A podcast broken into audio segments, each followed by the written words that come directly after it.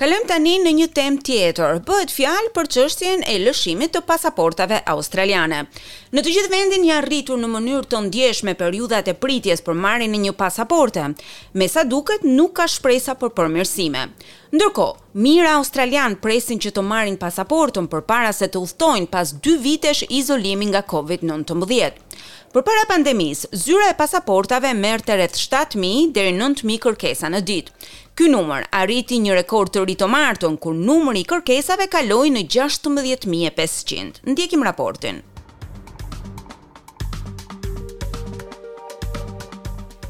Kufijtë ndërkombëtarë mund të jenë rihapur, po mijëra australianë mbeten të bllokuar në vend, sepse kanë për detyrë të presin marrjen e pasaportës. Radhat përpara zyrave të pasaportave janë rritur ndjeshëm dhe qytetarëve u duhet të presin me orë të tëra për të folur me personelin e këtyre zyrave.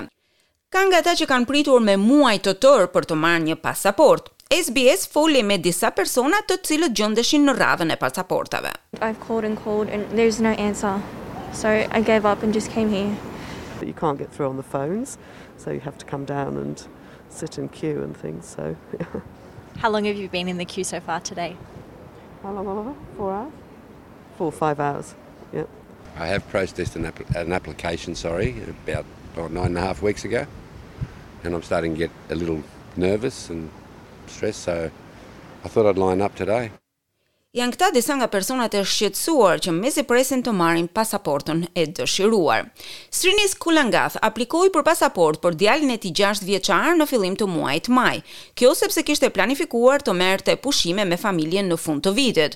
Por në një qershor vjerri i tij vdiq papritur dhe kur ai dhe gruaja e tij nuk patën kurrë mundësinë dhe çastin që t'i thonë lamtumirën e fundit, kjo për shkak të pasaportës. I was really hoping I could see him one last time and pay the final respects and also support my wife you know in this situation a lot of things going on. Vërtet shpresoja që ta shihja për herë të fundit, t'i jepja nderimet e mia të fundit, gjithashtu edhe të mbështesja gruan. Por e dini se në këtë situatë ka shumë gjëra që po ndodhin dhe nëse nuk do të isha atje nuk jam në gjendje që t'i ndihmoj. Këtu jam i pafuqishëm, jam ulur në radhë gjithë ditën vetëm sepse dua që të bëj diçka. Dhe më në fund e mori pasaportën, kjo të mërkurën.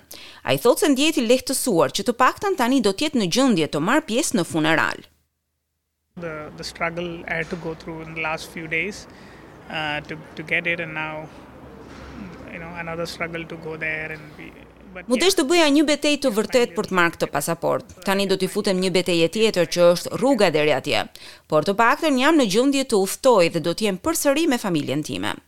Zëvendësministri për Punët e Jashtme, Tim Watts, e ka cilësuar si të papranueshme vonesën aktuale në aplikimet për pasaporta, si dhe pritjet e gjata për të kontaktuar Zyrën e Pasaportave. Ai thotë se qeveria po punon me Departamentin e Punëve të Jashtme dhe Tregtisë për të rregulluar urgjentisht situatën, për të rritur numrin e stafit dhe për të përpunuar më shumë kërkesat që vijnë. Watts vazhdoi të thoshte se ky problem ishte i parashikueshëm dhe është rezultati i qeverisë së mëparshme, e cila me të vërtetë e ka hequr vigjilencën në këtë drejtim. Zëdhënësi i opozitës për Punët e Jashtme, Simon Birmingham i tha radios së Sidnit se kishte burime shtesë të vendosura në disa sisteme që nga qeveria e mëparshme.